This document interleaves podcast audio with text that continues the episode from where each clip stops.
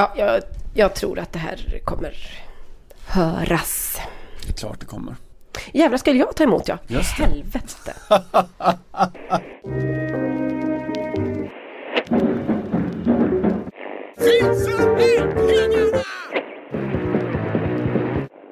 Den mätta dagen, den är aldrig störst.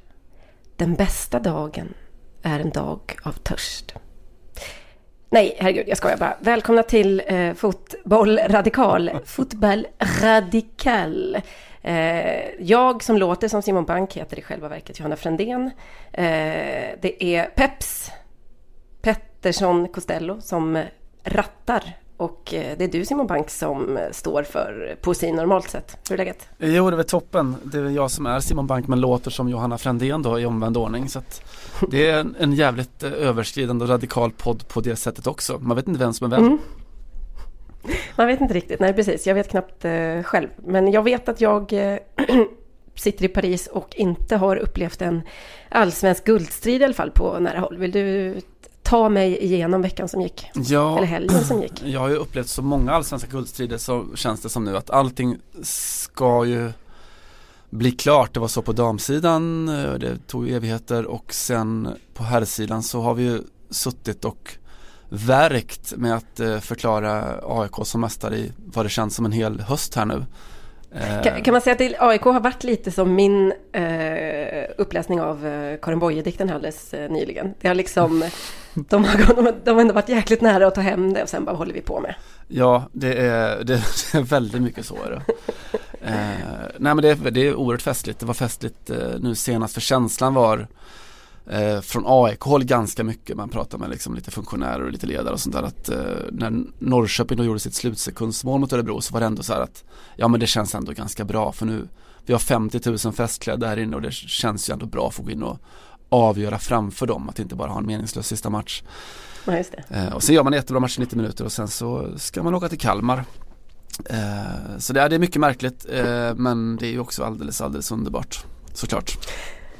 Alltså det är ju en lyx. Man, man glömmer lite det ibland hur få ligor som har den här typen av eh, slutspurt liksom. Alltså i Sverige är det ju väldigt, väldigt vanligt. Jag, nu var det länge sedan jag närbevakade allsvenskan men jag tyckte man satt varenda höst liksom när man gick in i november så var det spänning. Det är en otrolig lyx egentligen. Ja vi får väl se om, om Nantes kan ställa till det för, eller Montpellier kan ställa till det för PSG här framåt, framåt vårkanten.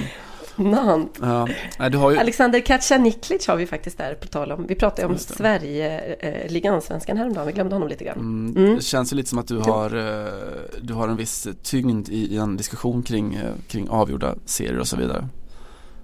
Eh, faktiskt, alltså ligan är väl den som är allra sämst av alla ligor Mm. i hela Europa i princip i, i det avseendet. Ja. Så nej, vi är, vi är glada för allsvenskan. Det ska bli kul att åka till eh, Eh, vi tidningsmän gör väl och kvinnor gör väl lite som, som förbundet också gör. Att man åker dit det sannolikt ska vara guldfest, inte dit det nödvändigtvis blir. Så att det blir eh, den the appropriately named Guldfågeln Arena man vi flyger till. Du, har- du har ju befunnit dig väldigt mycket på fel ställe vid rätt tillfälle de sista veckorna. Tror du att det, att det kommer börja liksom tunna upp sig som att du är ett dåligt omen när, när, när publiken ser liksom att du kliver in där på pressläktaren? Att det, det betyder typ andra platsen.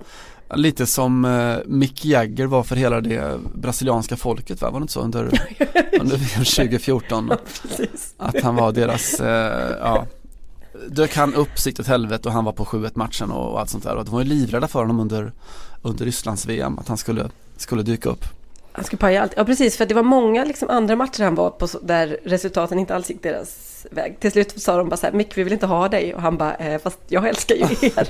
var det inte lite så? Jo väldigt mycket så, det, det finns väl en, eh, alltså om vi skulle ha satt ett soundtrack till AIK GIF Sundsvall så hade det mycket väl varit eh, I can't get no satisfaction Eh, Oh. They tried and tried and tried men det hände ingenting. Men eh, min, innan jag går vidare på, på resten av min vecka och kanske min gårdagskväll också så ska jag göra en, en minispaning just kring allsvenskan för det Du får gärna berätta om din morgon också, kanske din frukost eller något annat du vill jag, dela. jag, kom, Vi är idel öra. jag kommer ge dig min morgon och jag kommer ge dig min dag. Eh, vad bra. Tvivla inte. Eh, men det andra stora narrativet som fanns den här helgen var ju såklart med alla de här stora legendariska klubbikonerna som nu håller på att tacka för sig och är ute på sina avskedsturnéer. Ja, Kennedy Bakircioglu, Ante Johansson och Tobias Hysén och eh, Andreas Isaksson, möjligen eh, Marcus Rosenberg, möjligen förmodligen inte. Men eh, de är många i alla fall som ska tacka för sig. Jag vill bara säga, det här är mina årsbarn, nästan alltihop. Det är fruktansvärt eh, komplicerat. Du vet hur det är när man liksom blir äldst i landslaget. Vi pratade ju om ja. det, har gjort det tidigare. Alla de här är ju mellan 80 och 82 där någonstans. Jag är 81. Jag tycker att det här är det känns lite som att jag går i pension faktiskt. Ja, jag kan, eh, kan relatera till det så hårt även om jag eh, nu, nu ser på den tiden med viss nostalgi. Visst var det fint när mina årsbarn slutade spela fotboll. Mm. Vilka var dina då? Eh, Anders Svensson och gänget? Ja, Anders Svensson är väl ett år yngre än vad jag är men, ja, men lite åt det hållet. Det var de som jag ja, man själv eh, vid tillfälle eventuellt till och med spelade mot med, med Anders Svensson, Fredrik Ljungberg och, och det gänget. Eh, men, spelade mot? Jag tror eh, att jag, jag och Anders Svensson tvistade om huruvida han var med när vi slog eh, Hästrafors med 6-0. Eh, Fredrik Ljungberg är ganska säker på att eh, jag har mött på Örjansvall och eh, de vann med 2-0 i en domarskandalsmatch i pojkarsvenskan. Ah, Okej, okay. skulle aldrig få för mig att ifrågasätta något som hänt på Örjansvall förstås, men det låter ju lite som, som eh, Lars Ohlys Nacka-minne här. Ja men vi är ändå den radikala podden. Vi, vi, vi, vi följer väldigt Vi härmar gärna vänsterledarna när de ljuger om fotboll och så vidare. Ja, man, Aha, vad roligt. Ja man får ge mig att jag i alla fall försökte att prata med Mikael Kallner, HBKs eh, eh, statistikmaestro för att ta reda på om om Fredrik spelade den här matchen. Han har inte återkommit med svar så jag, jag har i alla fall gjort mitt bästa i researchväg för att se om jag är en Åly eller om jag är en, eh, en fotbollsspelare. Jag vet inte. Mm. Vi kan kasta ut en uppmaning till honom då ta tag i det här och höra av sig när, när säsongen är över kanske. Någon i Halmstad får jättegärna undersöka om det var så att Fredrik Ljungberg spelade mot Kinna IF i pojkarsvenskan när Kinna dömdes bort på ett vidrigt försåtligt sätt eh, av en glasögonklädd domare. Mm. Hur som helst, eh, jo de tackar för sig och eh, hyllas ju då lite, lite överallt och lite varstans och sådär. Det har ju tagits steg i den svenska supporterkulturen där eh, nu främst då att, eh, att man, det betyder att, att supporta på Twitter tänker sig att skicka en, en tweet till eh, Tobias Hysén eller Kennedy Bakircioglu att du var rätt okej okay ändå, liksom tack för allt och jag mm. hoppas du får det fint. Men jag kan känna att det är lite fattigt faktiskt. Eh, att man rent sett läktarkulturmässigt skulle kosta alldeles, alldeles för mycket för en, en svensk eh, ståplatsläktare att faktiskt ha en, en banderoll där man tackar av sin, sin fiende. Och jag vet ju hur så här, spontanreaktionen nu blir ryggradsmärgs, ryggmärgsreflexen blir. Att, men herregud, du fattar ingenting om passion och Eh, och antipatier och rivalitet och allt det där. Ja men då säger jag så här, då får ni ta den diskussionen med eh, Irido Scibili i, i, i Rom som eh, tackade av Francesco Totti med en stor banderoll i sista, hans sista derby där det stod att eh, fienderna eh, för ett helt liv hyllar dig Francesco Totti. Mm. Eh, eller med Curva Nord i Milano där Inters fans hälsade Cesare Maldini i hans sista derby eh, God resa, du är en eh, Uomo vero di un calcio vero, alltså en, en sann eh, man eller gentleman en, av en sann fotboll. Eh, mm. De kan göra det, Bernabeu, mm. på Bernabeu, jag satt själv där när Ronaldinho applåderades eh, efter att ha på egen hand eh, bevåg då kört över Sergio Ramos främst och hela Real Madrid. De har applåderat Messi där, de har applåderat Iniesta där.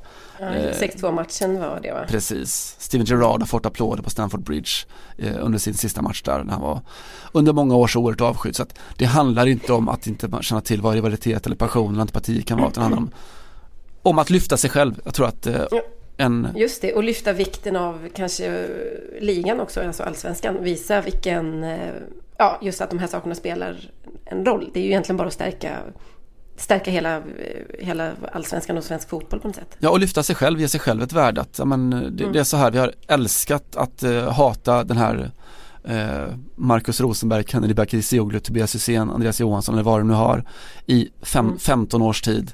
Uh, tack för allt hat du gav oss, tack för alla känslor mm. du gav oss.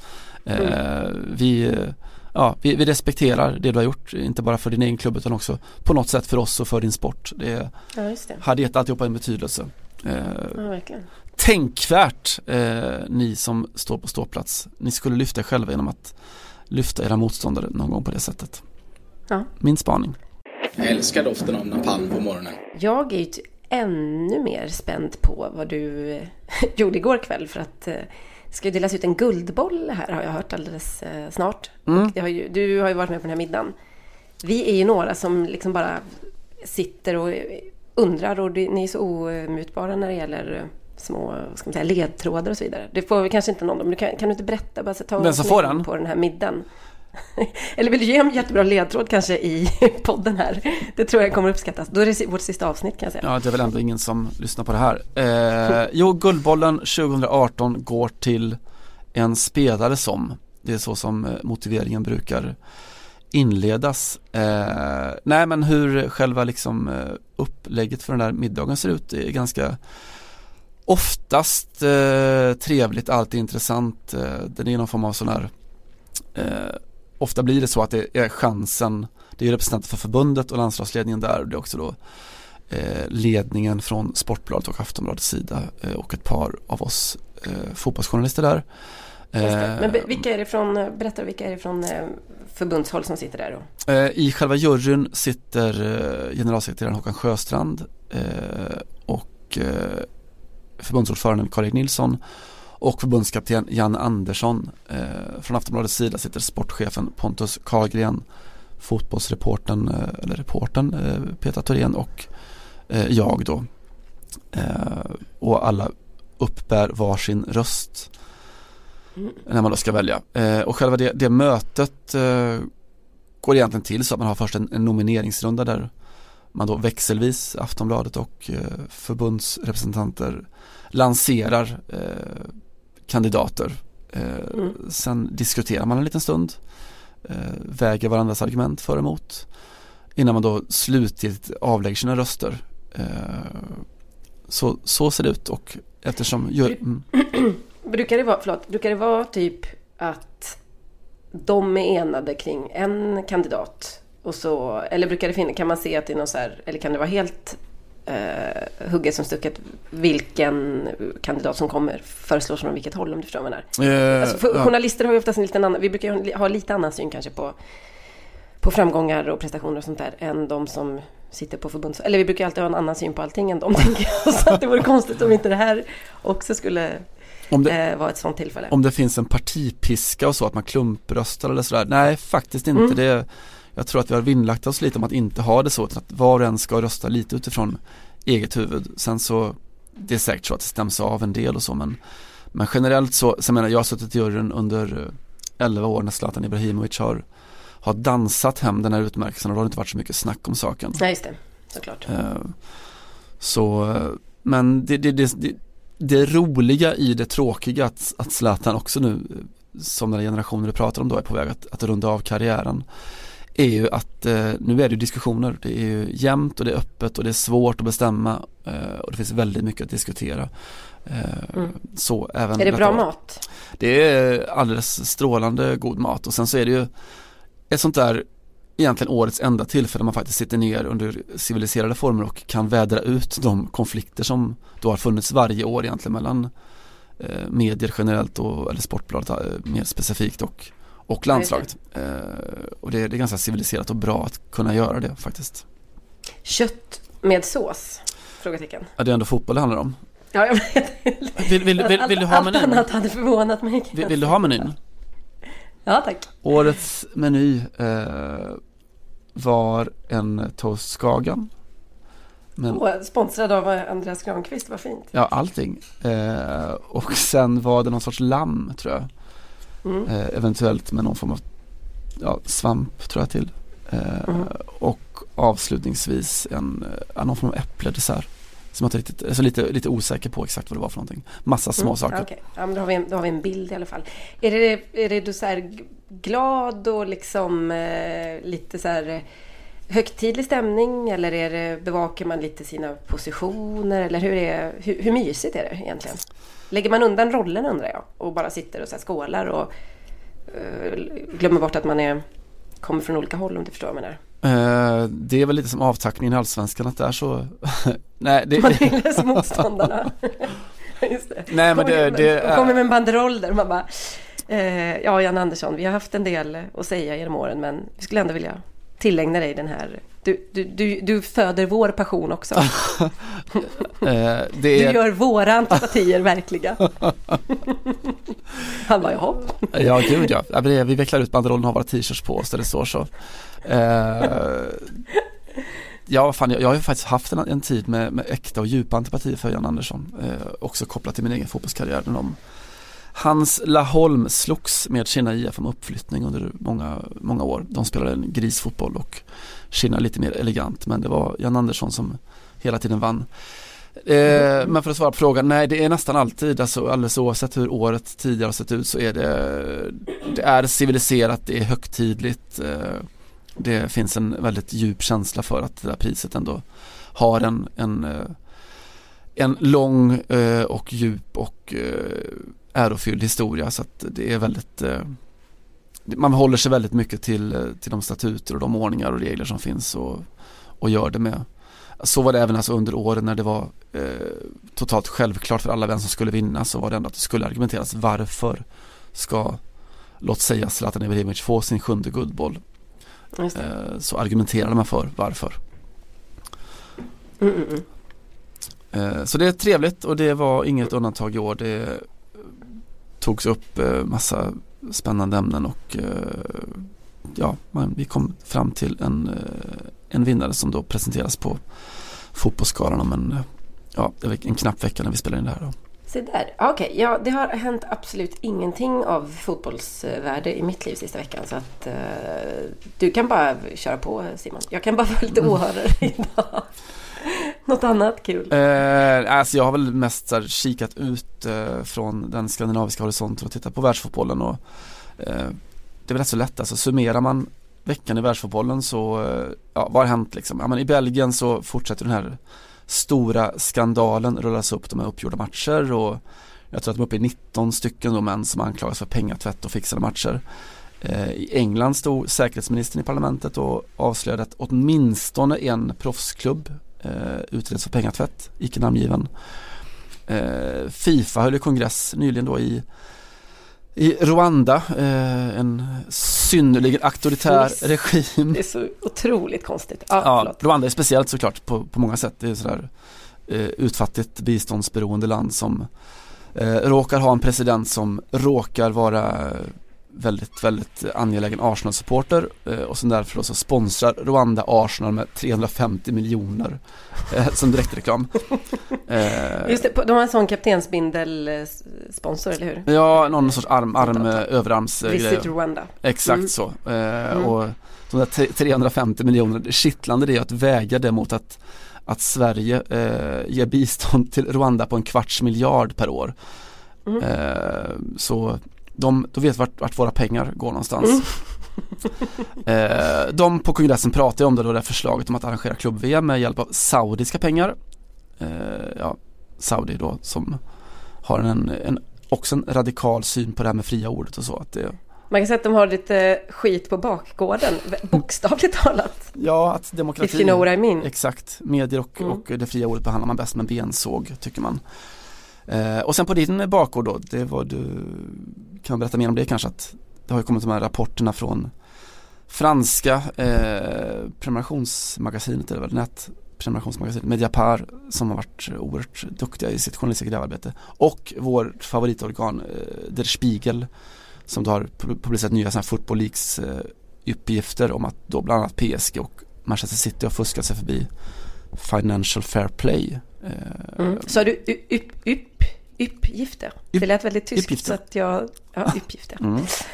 Um, ja, precis. Alltså Mediapart, som ju för övrigt är ett um, radikalt, får man säga, medieorgan, en vänster, med tydlig uh, vänsterinriktning, eller i alla fall någon form av, ska man säga, underifrån perspektiv. De är ju liksom kranen, eller man ska säga, i Frankrike för Football Leagues. Det här pytsas ju ut i olika länder, vi har väl gått igenom det mm. tidigare. Men eh, de kallar det här säsong två, Football Leagues säsong två. Och det är ju inte någon rolig läsning för PSG framförallt. Och vem hade trott? Något? Jag är så icke förvånad. Jag är negativt förvånad över This det här, is Johanna Frändéns complete lack of surprise som det Ja, heter så. i Slagsmålsklubben. Så här låter jag när jag, när jag blir förvånad över att eh, PSG har eh, haft liksom konstiga mellanhänder och eh, ekonomisk dopning.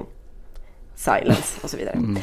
Ja, nej, det, det, det är ju... Um, men det är lite pikant här vilka namn som är inblandade då. För att um, gamle presidenten Nicolas Sarkozy som också är eh, djupt involverad i PSG och en stor supporter och haft flera eh, olika poster och heders... Eh, vad ska man säga, hedersposter och så vidare i klubben.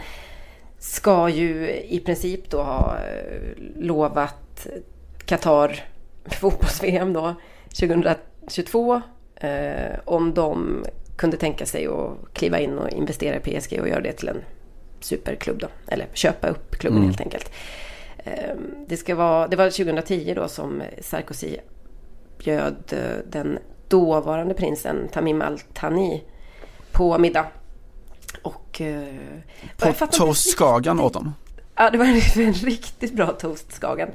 Ja, men det man, och då, och då, ja precis, då framkom detta då att vi skulle gärna vill jag att ni kliver in och tar över PSG och så ska vi väl se till om inte du kan få, ehm, ni då kan få VM 2022. Jag känner Michel Platini och så vidare.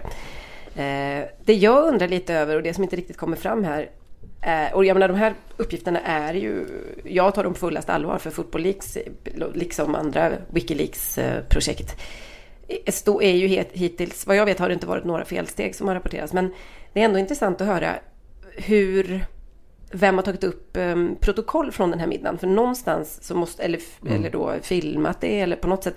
Och för att komma över det här så måste ju det finnas, alltså man kan ju inte kliva in i liksom Nicolas Sarkozy, de kan ju inte ha kopierat hans dagbok, förstår du vad jag menar? Så Mm. någon har ju suttit med då antar jag på middagen. Eller, eller så har det gått mejl fram och tillbaka som, där det står så här, ska vi ses på middag, jag kan erbjuda dig det här och så. Men de har ju varit uppenbarligen ganska oförsiktiga då.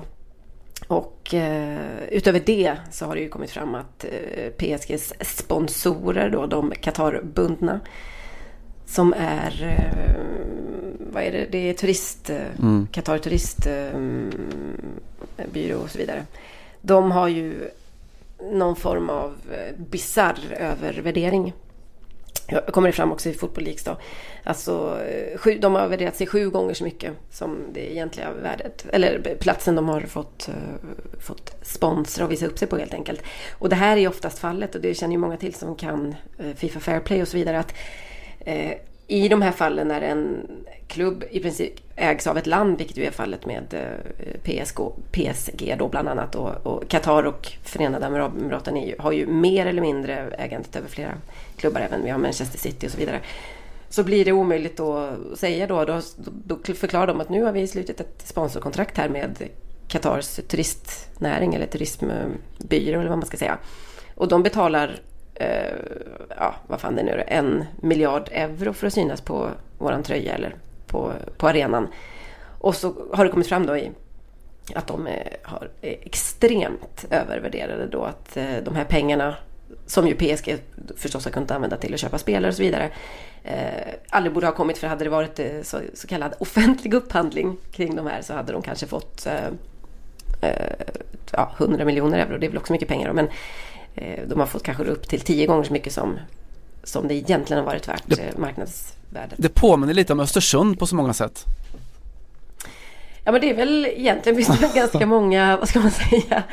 Det är väl, är inte alltid problemen typ inom fotboll, alltså den ekonomiska problematiken lite liknande även om det, summorna är väldigt olika. Alltså det är ju ändå alltid, det slutar alltid med att det är typ tre män som sitter och har en bastuklubb och fattar beslut som inte riktigt, som de tror att ingen ska komma på. Är det inte riktigt så? Jo men det är väl som vi småbarnsföräldrar säger med små barn, små problem, stora barn, stora problem. Eller som eh, den legendariska IFK Göteborg-kulthjälten Big Mamas eh, lilla syster sa. Eh, Big Mama, big problem for little sister. Ja, ja, jag, kan, jag, jag köper det. Alltså. Mm. Det här är ju ett stora problem för PSG. De gick direkt ut då med ett eh, mejl eller en presskommuniké på, direkt på kvällen så att de tar ju det här på allvar såklart då. Och sa att vi har inte, det finns inga oegentligheter och vi har agerat enligt ja, vad vi har trott varit rätt och så vidare.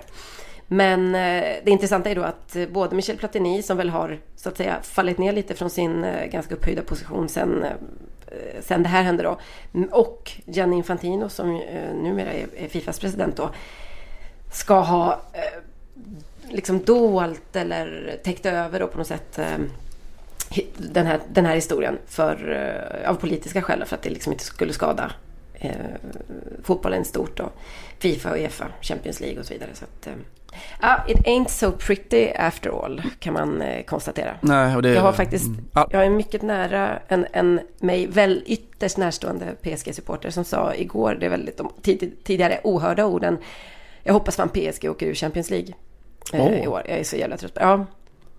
Eh, det kanske de gör redan ikväll för att de ska ju åka till San Paolo och ta sig an Napoli. Men jag kan verkligen börja, jag sympatiserar verkligen med den känslan. Alltså, det här är en klubb som är väldigt svår att älska just nu.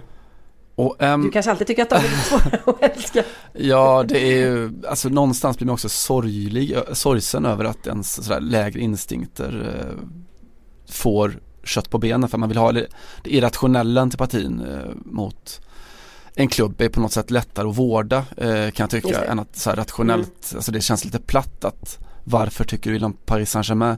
Det är lättare att säga, men jag, för att jag tycker om Marseille väldigt mycket men, men nu så finns det så här, man har 180 argument till varför För att de är ett gäng från Paris, som man brukar säga. Eh, exakt. Eh, Le, Du kan lägga på ett beep där eh, på Stello om du vill sen. Les Marseillais montent à Paris pour enculer le PSG som det heter på sydfranska. Eh, lite så. Sen så, alltså allt det här är ju också att man, man ska bedöma vad är fotboll för någonting egentligen och det är inte riktigt klarlagt. Alltså senast jag läste eller spekulationerna som finns ju att det är den som har gått ut då under något fingerat namn eh, och sagt att han då är den som styr eller ligger bakom är han sitter i någon form av landsflykt i Ungern av alla mediefria länder.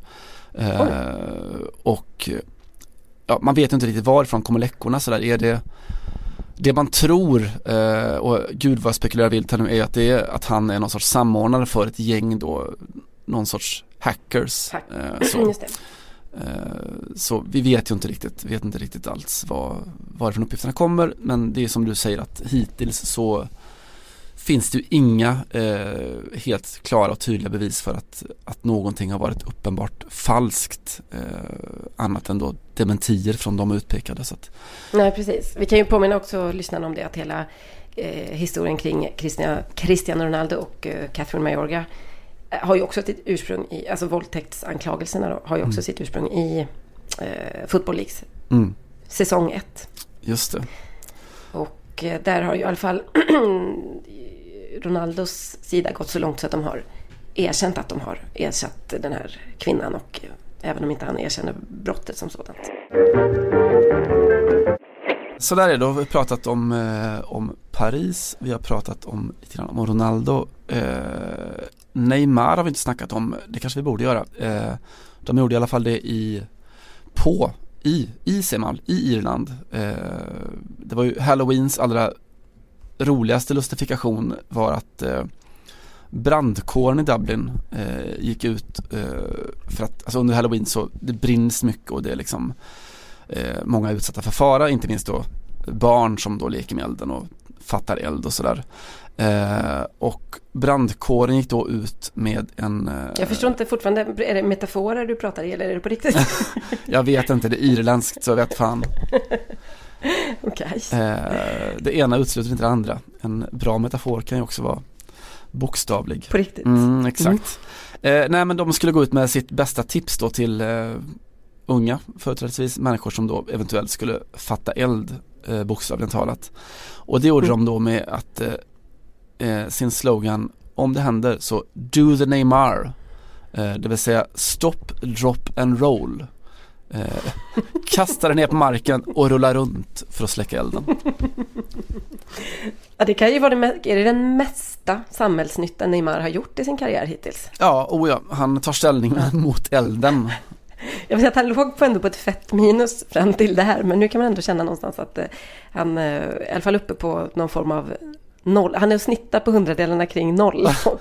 För er som kan era gamla floskeltoppar. älskar kolon eh, semifascistoida presidentkandidater eh, som är sexister och är för diktatur. Eh, hatar kolon brinnande barn. Nej, Neymar tar ställning. Ja, men det var bra. Det är ju eh, ett bra och handfast tips. Framförallt så behöver man inte tänka sig hur var det nu då? Utan alla vet ju exakt hur, alltså hur det ser ut när han dyker och eh, rullar helt enkelt. Ja, man undrar lite sådär, alltså skulle man kunna överföra det till andra saker? Alltså att du tar exempel från kända fotbollsspelare för att lösa knepiga situationer i livet. Jag vet inte om det finns några fler. Oh, det finns ju säkert eh, ett helt eh, gäng. Alltså, gör inte detta hemma eller gör detta hemma, tänker du på? Ja, lite så. Alltså spont spontant eh, tänker jag ju mycket eh, Bruce Grobbelaar där i eh, Liverpools målvakt i eh, 1984 års Europacupfinal var det väl mot eh, Roma. Milan när han, Mot Roma väl? eh, förlåt, när han, eh, när han gjorde de här spaghetti Shaky legs. Shaky legs, ja precis. Eh, ungdomen får googla på detta nästan. Han liksom eh, ställde sig på mållinjen och så typ såg ut som att han fick ett, eh, eh, en stroke eller någonting. Det som att han skulle falla ihop. Men så liksom stod han kvar och så var ju det bara sätt att och, och, och, och ställa motståndaren helt enkelt, psyka. Eh, men det såg, ganska, det såg väldigt knäppt ut. Ehm, och det får mig lite att tänka på ett tips jag fick en gång när jag gick en självförsvarskurs. Mm. Som kvinna, om man är, känner att det är någon som följer efter en och, på gatan till exempel. Och, så är det bästa man kan göra är att, det är inte att gå snabbt då, eller liksom krypa ihop, utan det är att vända sig om och göra något helt, eh, något väldigt eh, oväntat. Alltså inte säga sluta förfölj mig, utan typ, vi fick som exempel då att man kanske ska vända sig om och bara säga så här, jag ser små tomtar i din hatt eller någonting. Alltså verka helt koko liksom.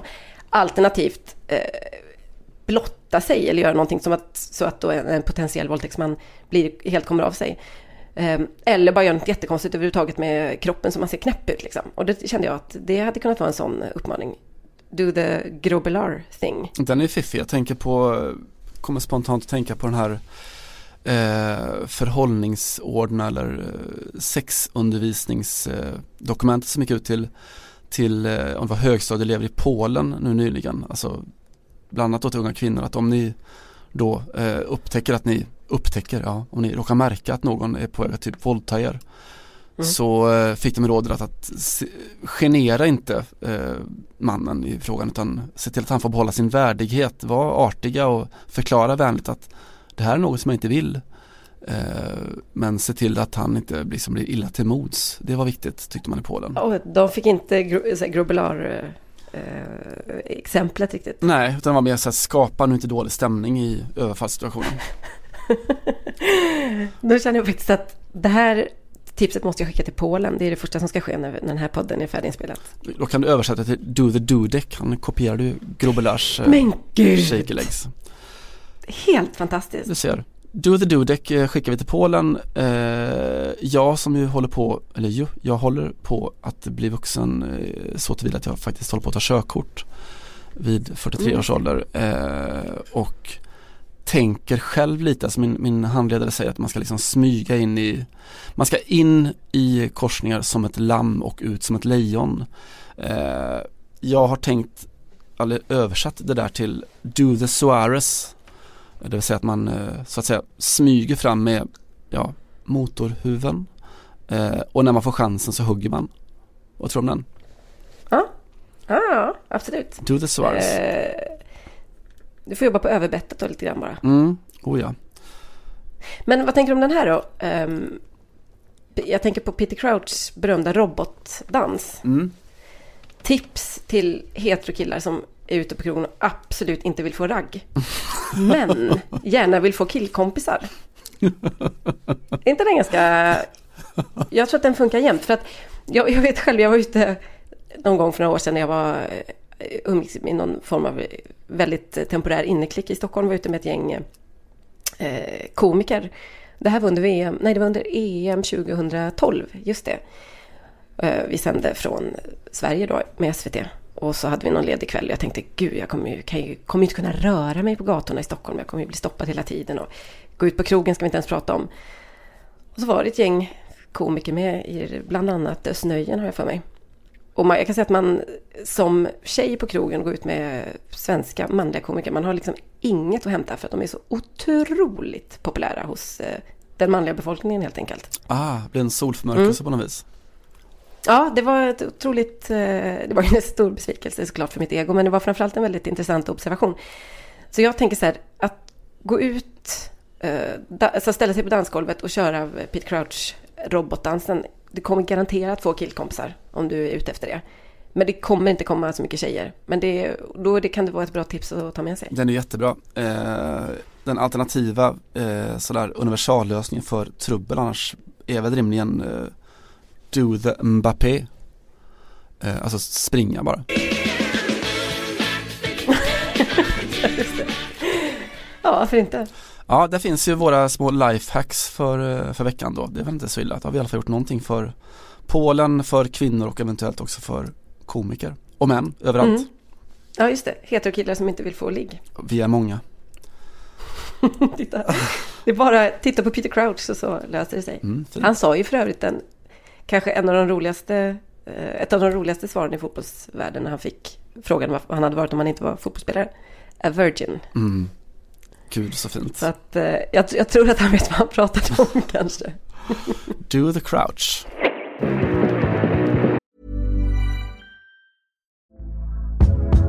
Hey there, it's Michelle Norris. I'm host of a podcast called Your Mama's Kitchen. When I travel, I'm usually looking for a way to find a taste of home when I'm not at home. And one of the things I love to do when I am at home is entertain. And Airbnb allows me to do that. When I was in California recently, I rented a house that had a great kitchen. And when we were sitting around the table, we we're all thinking, we're in someone else's house. Someone could be in all of our homes as well. If you have a home, but you're not always at home, you have an Airbnb. Your home might be worth more than you think. Find out how much at airbnb.com slash host. Nu är det verkligen två sköna grabbar-podden, eh, Simon. Vi har äntligen du... landat där, vad skönt. Du, kan du lyfta nivån på något sätt eller ska, vi bara, ska du bara gå ut för här? Äh, låt mig försöka att eh, ta ner oss ett par snäpp eh, och mm. göra stämningen jobbigare. Jag tänkte att vi skulle prata om eh, Ola Toivonen, fast ändå inte. Mm. Mm, du lät inte alls inspirerad nu. Jag tänkte vi skulle prata lite om Ola Toivonen.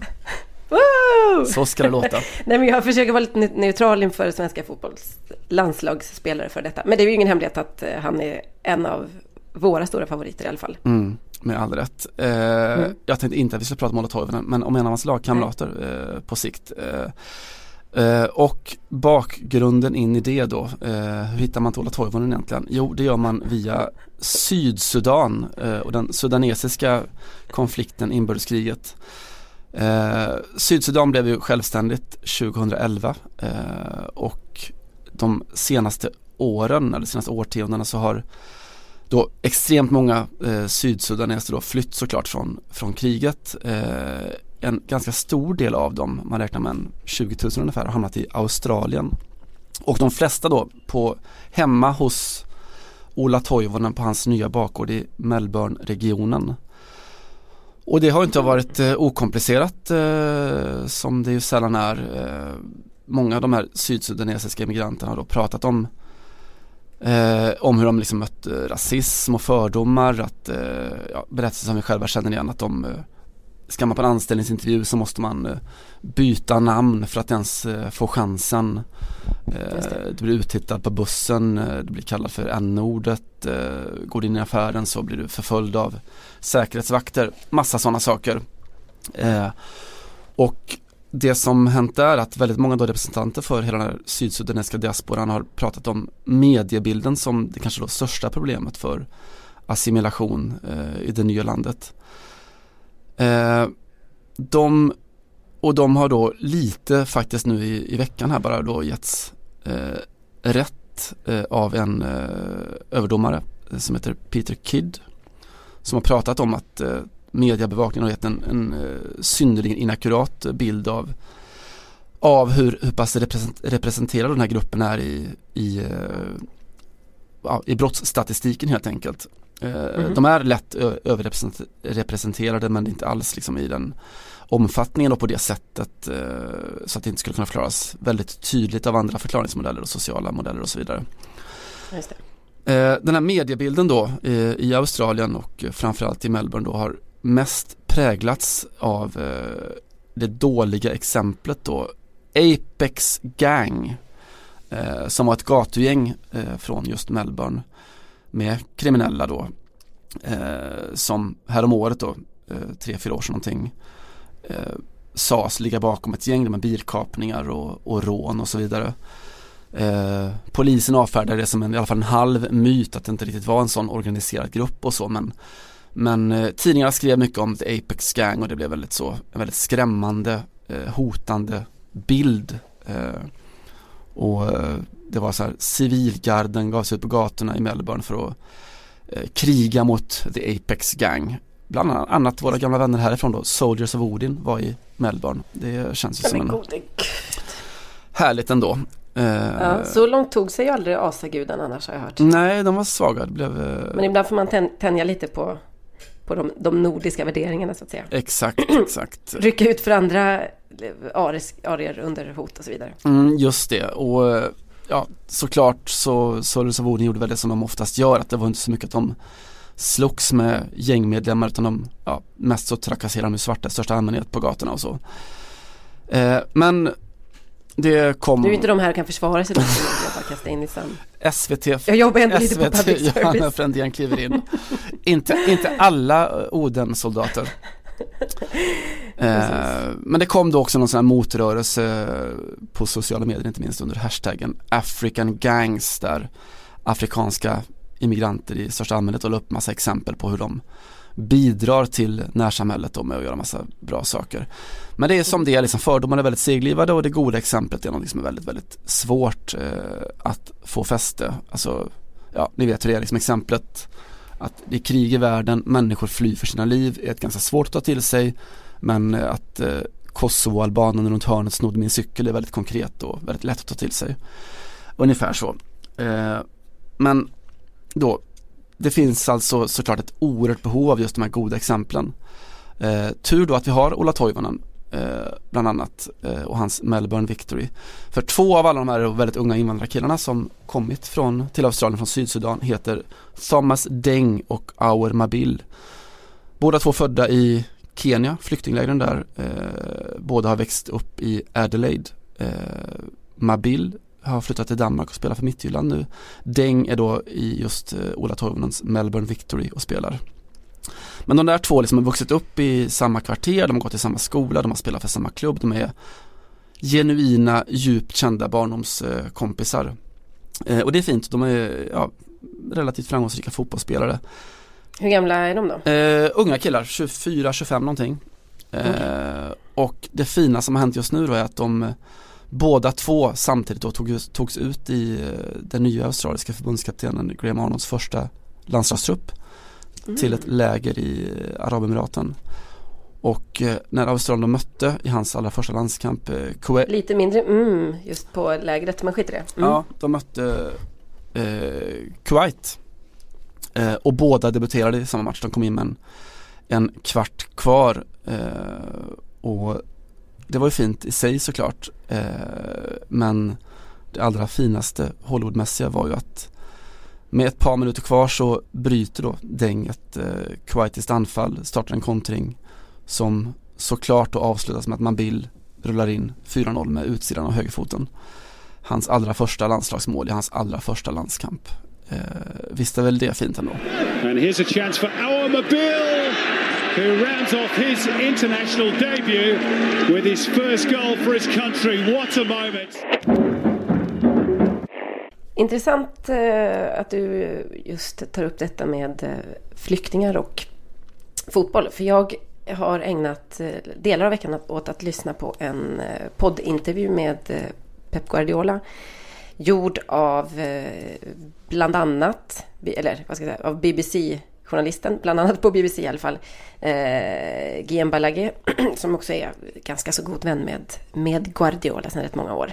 Och podden skulle bara handla om eh, musik egentligen. Musiken som gjorde Guardiola eller ja, musiken som han har format honom. Bara om Coldplay Eh, alltså?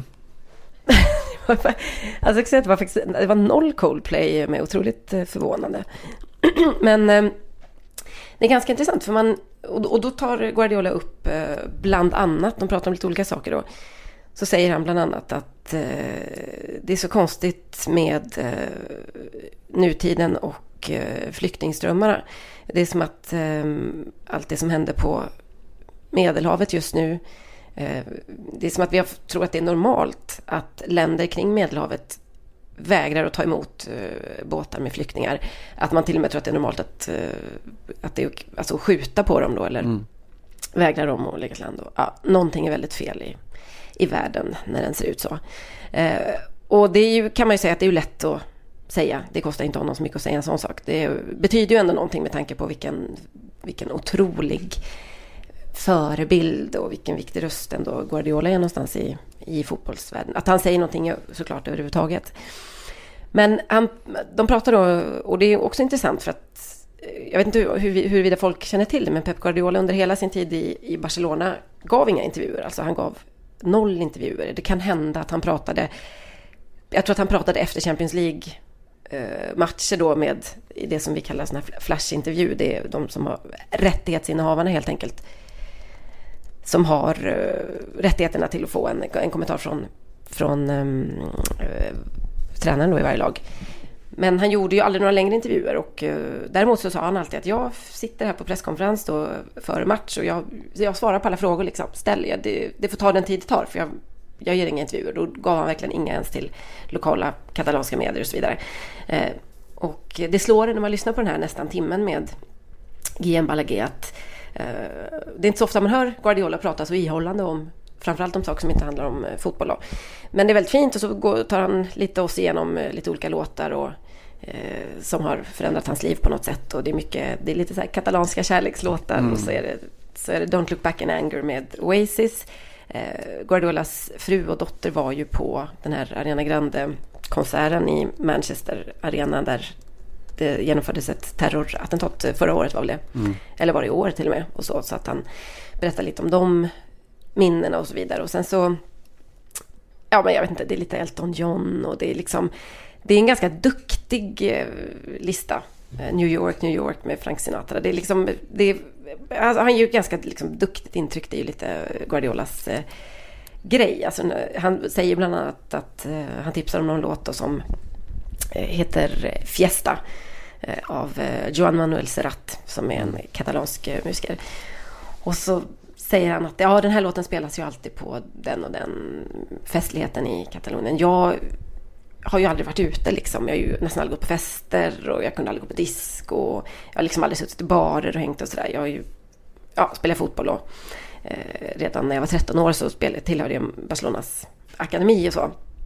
Det är lite den här bilden man har av Guardiola, att han liksom kanske inte har varit på fest så många gånger. Nej. Men om han skulle hamna på en fest så skulle han ju lösa det väldigt bra. Men att det har liksom aldrig ballat ur. Alltså han har liksom givetvis aldrig haft någon, någon, liksom, någon riktig fylla. Ingen Messi-fylla. Ingen Messi, verkligen inte. Nej, han har ju aldrig haft en könssjukdom heller om vi ska vara lite grafiska. Det är min upplevelse av honom. Allt, allt har varit väldigt liksom... Eh, han har skött allt eh, väldigt snyggt och enligt eh, alla konstens regler på något sätt.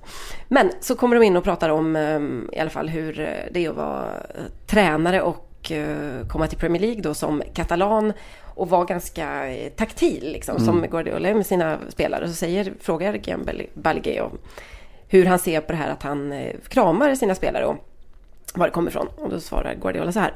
Sometimes I think many times, don't do that, Pep.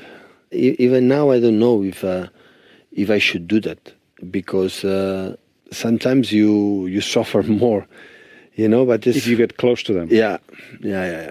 But You you were close when you first started uh, your career to the players, closer perhaps than now, no, emotionally no. or not. Sometimes I think I will not be closer, but at the end, you react.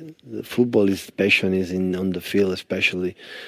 And sometimes I need to hug them. Sometimes I don't need to talk to them. So it depends. But The people forget. So as a manager, but I'm a human being, and I have feelings too. We have feelings to all the managers, and the people believe we are ice or we are cold, and you have to machine. You have that is far away, or really we are.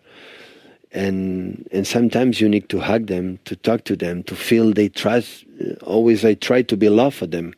You know, all of us we try to do that, but at the end you have to take a decisions, bad decisions that is it hurts them mm-hmm. because you don't play. And that's why they say, why he hug me and after mm-hmm. don't allow me to play when they are there. And it- with that mix of of fighting, always there are big, big problems to handle that. So it's difficult, but it's what it is. So mm. When I hug, it's because I want to hug them. And when I don't hug them, it's because I don't want to hug them. That is the truth. Ja, det är det här med att, eh, som Guardiola påpekar hela tiden, då, förutom att han måste få krama sina spelare och det är viktigt och han är latinsk och så vidare, så tycker jag är intressant det här att han säger att vi, vi fotbollstränare är ju människor liksom och vi har känslor och så vidare. Eh, med tanke på den, den generation tränare som han företräder, för visst finns det många sådana här just nu, eh, Simon? Är det inte lite av en trend? Jo, det gör det ju, alltså verkligen. Det är ju den här nya tränargenerationen som har kommit som ofta är liksom akademiskt skolad. Eh, alltså ta det tydligaste exemplet det är väl egentligen den tyska nya skolan med väldigt många unga eh, tränare som då har tagit vägen från alltså, utbildningsvägen och sen så jobbat med, med ungdomar i, i klubbarna, i akademierna och så. Eh, jag hade Nagelsmann, Tedesco, eh, no, Nori som, som hade väldigt Bremen förut.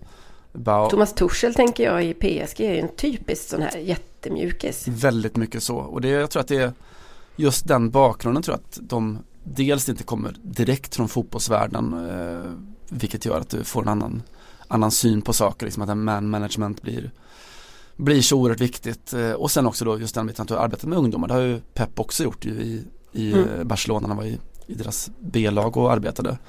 Eh, att där så är du tvungen att se spelarna som, som just människor med svagheter och brister och skräck och ångest och rädslor och, och allt vad det kan vara. Du kan inte liksom inte bara stå, det är ingen framkomlig väg längre också med den nya generationen stå och bara skälla och skrika på dem utan Ja, jag tror att framtiden väldigt mycket tillhör mjukisarna. Han berättar också i, i den här podden som jag kan rekommendera, jag ska lägga ut den också, att eh, de pratar lite om eh, David Silva och situationen kring eh, hans väldigt för tidigt födda son. Mm. Och eh, hur de hanterade det och, och han berättar lite ja, hur han tänkte där. Att det var liksom inte, det fanns inte, det var, ing- fanns inget alternativ till att låta honom göra precis vad han ville och i princip komma och gå som han ville lite får man en känsla av. Eh, det finns ju andra exempel som inte de tar upp men jag tänker på Andres Iniesta som berättade ju i sin självbiografi för några år sedan att han hade drabbats av en depression.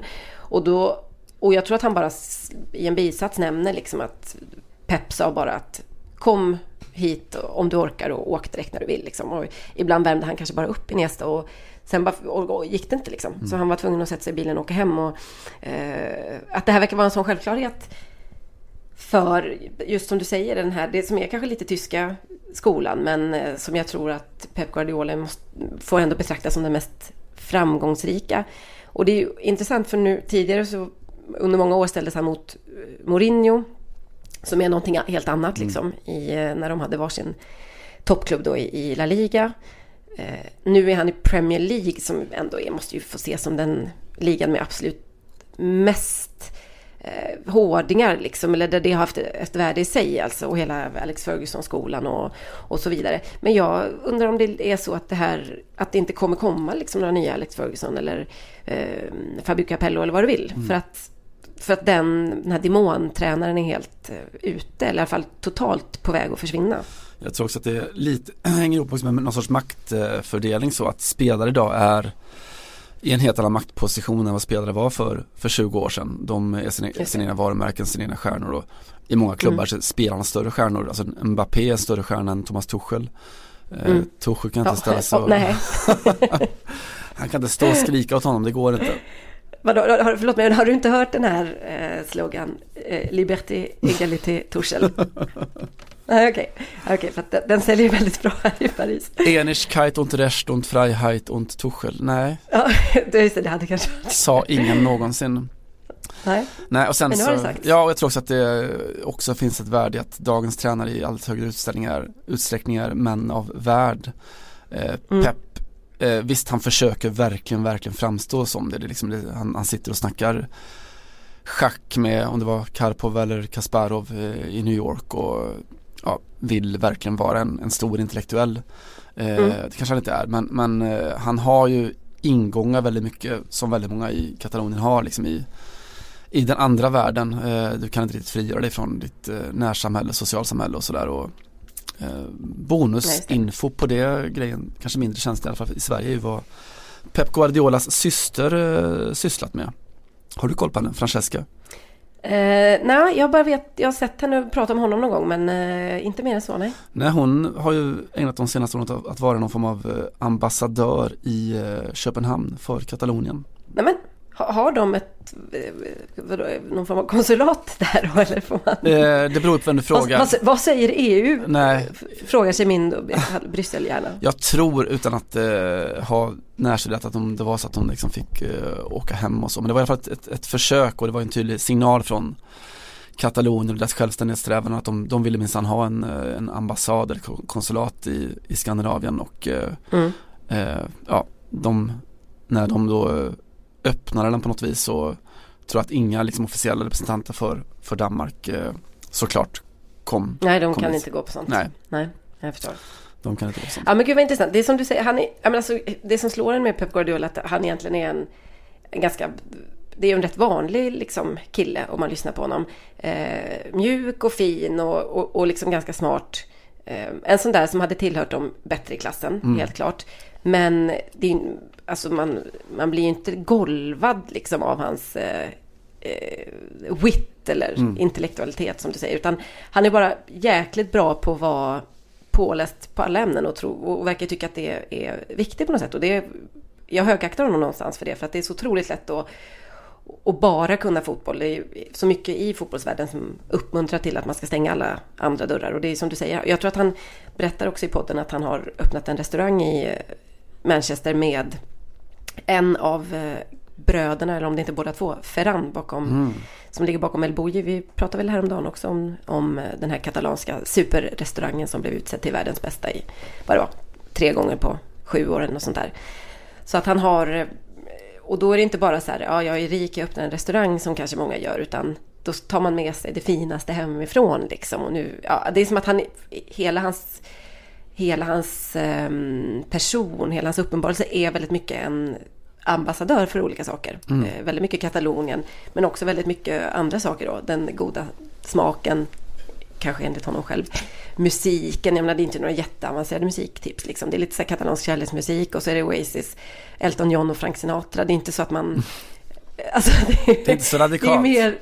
Nej, det är inte så radikalt. Det är mer gulligt egentligen än någonting annat. Men det är ändå intressant, eh, tycker jag, att se hur han eh, liksom håller... eh, Hur han ger sig fan på att han ska ha någonting att säga om allt på något sätt. Eh, Flyttningssituationen, musikens roll i, i, i hans liv, vikten av katalansk mat, den katalanska självständighetsrörelsen, det känner många till och den har han ju pratat väldigt mycket om genom åren och så också. Demokratisituationen i. Förenade Arabemiraten.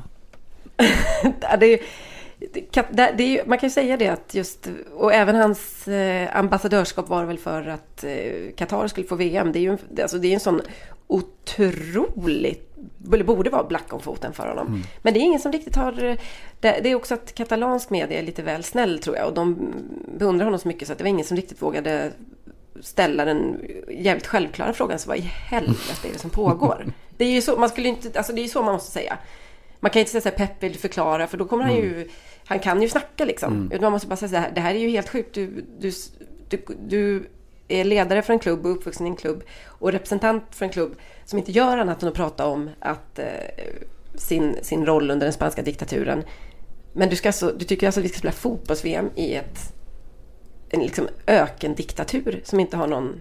Vad fan är det frågan om? Den frågan fick han inte heller av eh, GM Balaguer nu när jag tänker efter. Nej. Det får, vara, nej, det får bli en annan gång helt enkelt. Först kommer maten, sedan moralen som Bertolt Brecht eh, skrev en gång.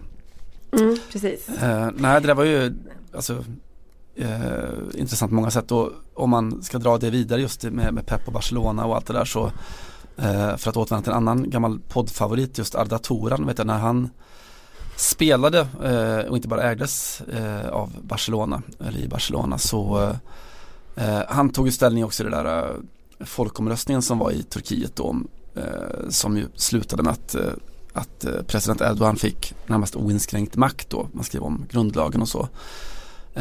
då vet jag att Besiktas supportrar skrev en ett långt brev till klubbledningen i Barcelona, ett öppet brev där man förklarade att vi vet vad ni står för som, som förening och klubb, att ni är en, en frihetsklubb och en frihetskampsklubb och så vidare. Eh, men spelaren som ni betalar se så många miljoner för i veckan, han står för det här eh, antidemokratiska i, i vårt land. Mm. Hur, hur ser ni på det? Mm. Eh, alla dessa jobbiga frågor som förstör våra matcher. Ja, lite så. Men det är ju en otroligt relevant fråga och vi, jag hyllade ju Barcelona lite här veckan för att de bröt sitt eh, kontrakt, eh, samarbetskontrakt eller ambassadörskontrakt återigen med Ronaldinho för att just för att Ronaldinho eh, har tagit så tydlig ställning för eh, Jair Bolsonaro i det, det brasilianska presidentvalet. Ja jävlar, det har ju avgjorts sen vi hördes sist också. Mm. Eh, men eh, hur som helst, och att där, där kände de ändå att de fick fatta någon form av beslut och ja, ta, ta ställning för det. Det höll inte riktigt. Men visst är det väl så att Barcelona har haft ett gäng situationer som den med eh, Arda Turan som du säger. Där de har fegat ganska mycket också. Mm. Det är svårt att vara både en fotbollsklubb och en eh, politisk institution. Jag kan ha viss förståelse för det faktiskt. Framförallt när alla pengar helt plötsligt finns i, eh, i liksom eh, små diktaturer vid, i Persiska viken och så vidare. Vad gör man? Nej, vad gör man? Mm. klubben ska ha sitt.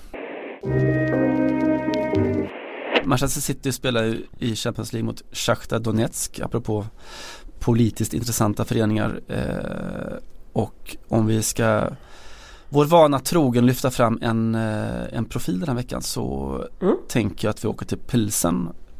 eller egentligen inte men vi åker till eller kikar in i Real Madrid. De har fått en, en ny tränare ju till ingens överraskning också då. Men eh, Santiago Solari har ju tagit över och honom tycker jag vi borde prata lite om.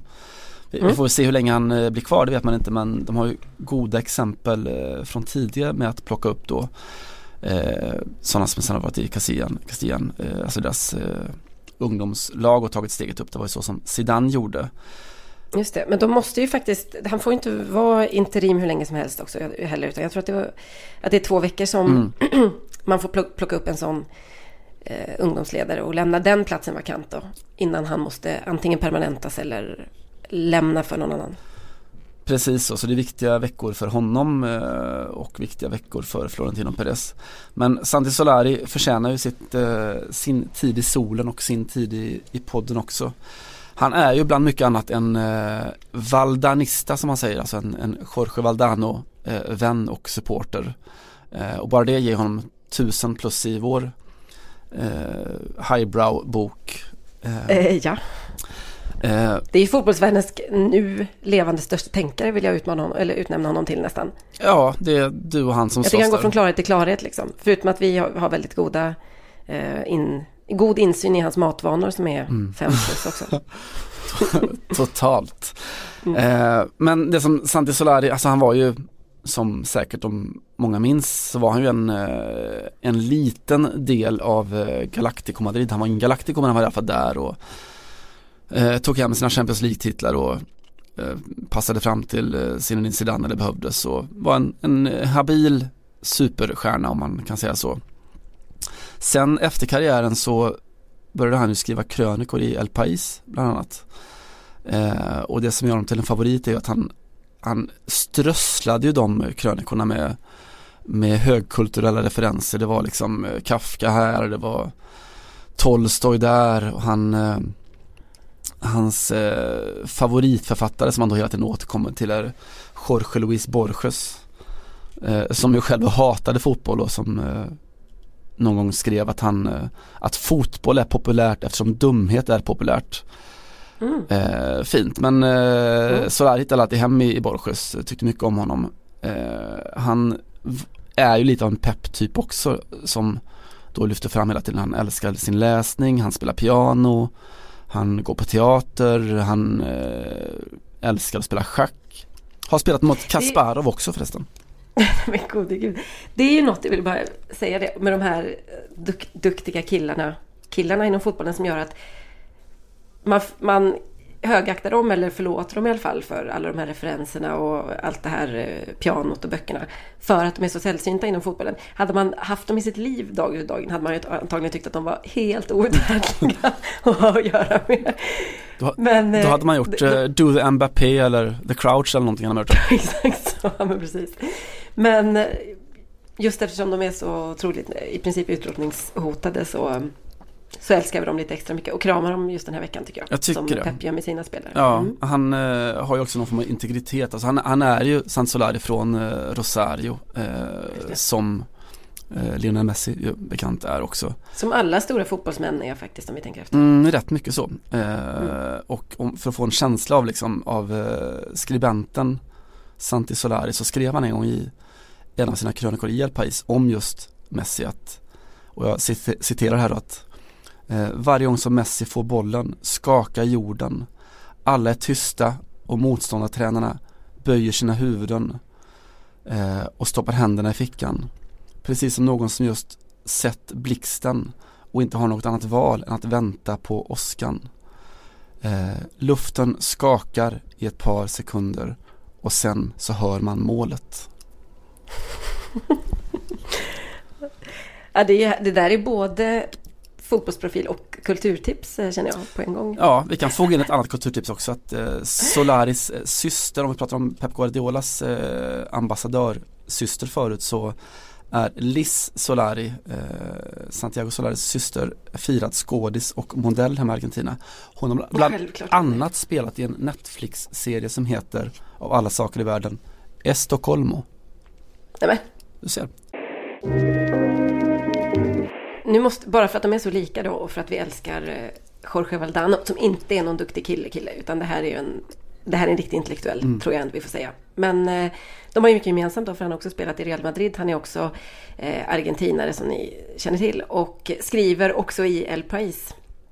Eh, och eh, jag citerade ju i förra veckans podd hur han beskrev Tony Kroos, Tony Kroos, förlåt mig. Ja. Tony Cruise eh, säger de alltid i engelska Tony, sändningar. Tony Cruise, ja. Som en, eh, jämförde honom med en miniräknare. Mm. Han varken imponerar eller gör fel och så vidare. Eh, nu, eh, precis nu så dök det upp i skallen att han skrev i El País en krönika om Leo Messi och Diego Maradona. Och Maradona hade sagt någonting om att, mm, lite, något lite nedsättande om Messi. Som i stil med att Messi är så nervös inför matcher så han måste liksom gå och kissa 15 gånger det är inte liksom någon stor ledare inom fotbollen eller ledarfigur eller så. Och då skriver eh, Valdano, som ju älskar Maradona, för det gör man ju såklart eh, om man är från Argentina och håller på med fotboll helt enkelt. Så skriver han ändå att jag har stått på andra sidan eftersom han då har tränat, eller eh, tränat med spelat i och, och varit klubbdirektör då i Real Madrid. Och jag vet mycket väl hur det är med Leo Messi. Det är när man möter honom som man måste, eller som man håller på att kissa på sig hela tiden. Mm.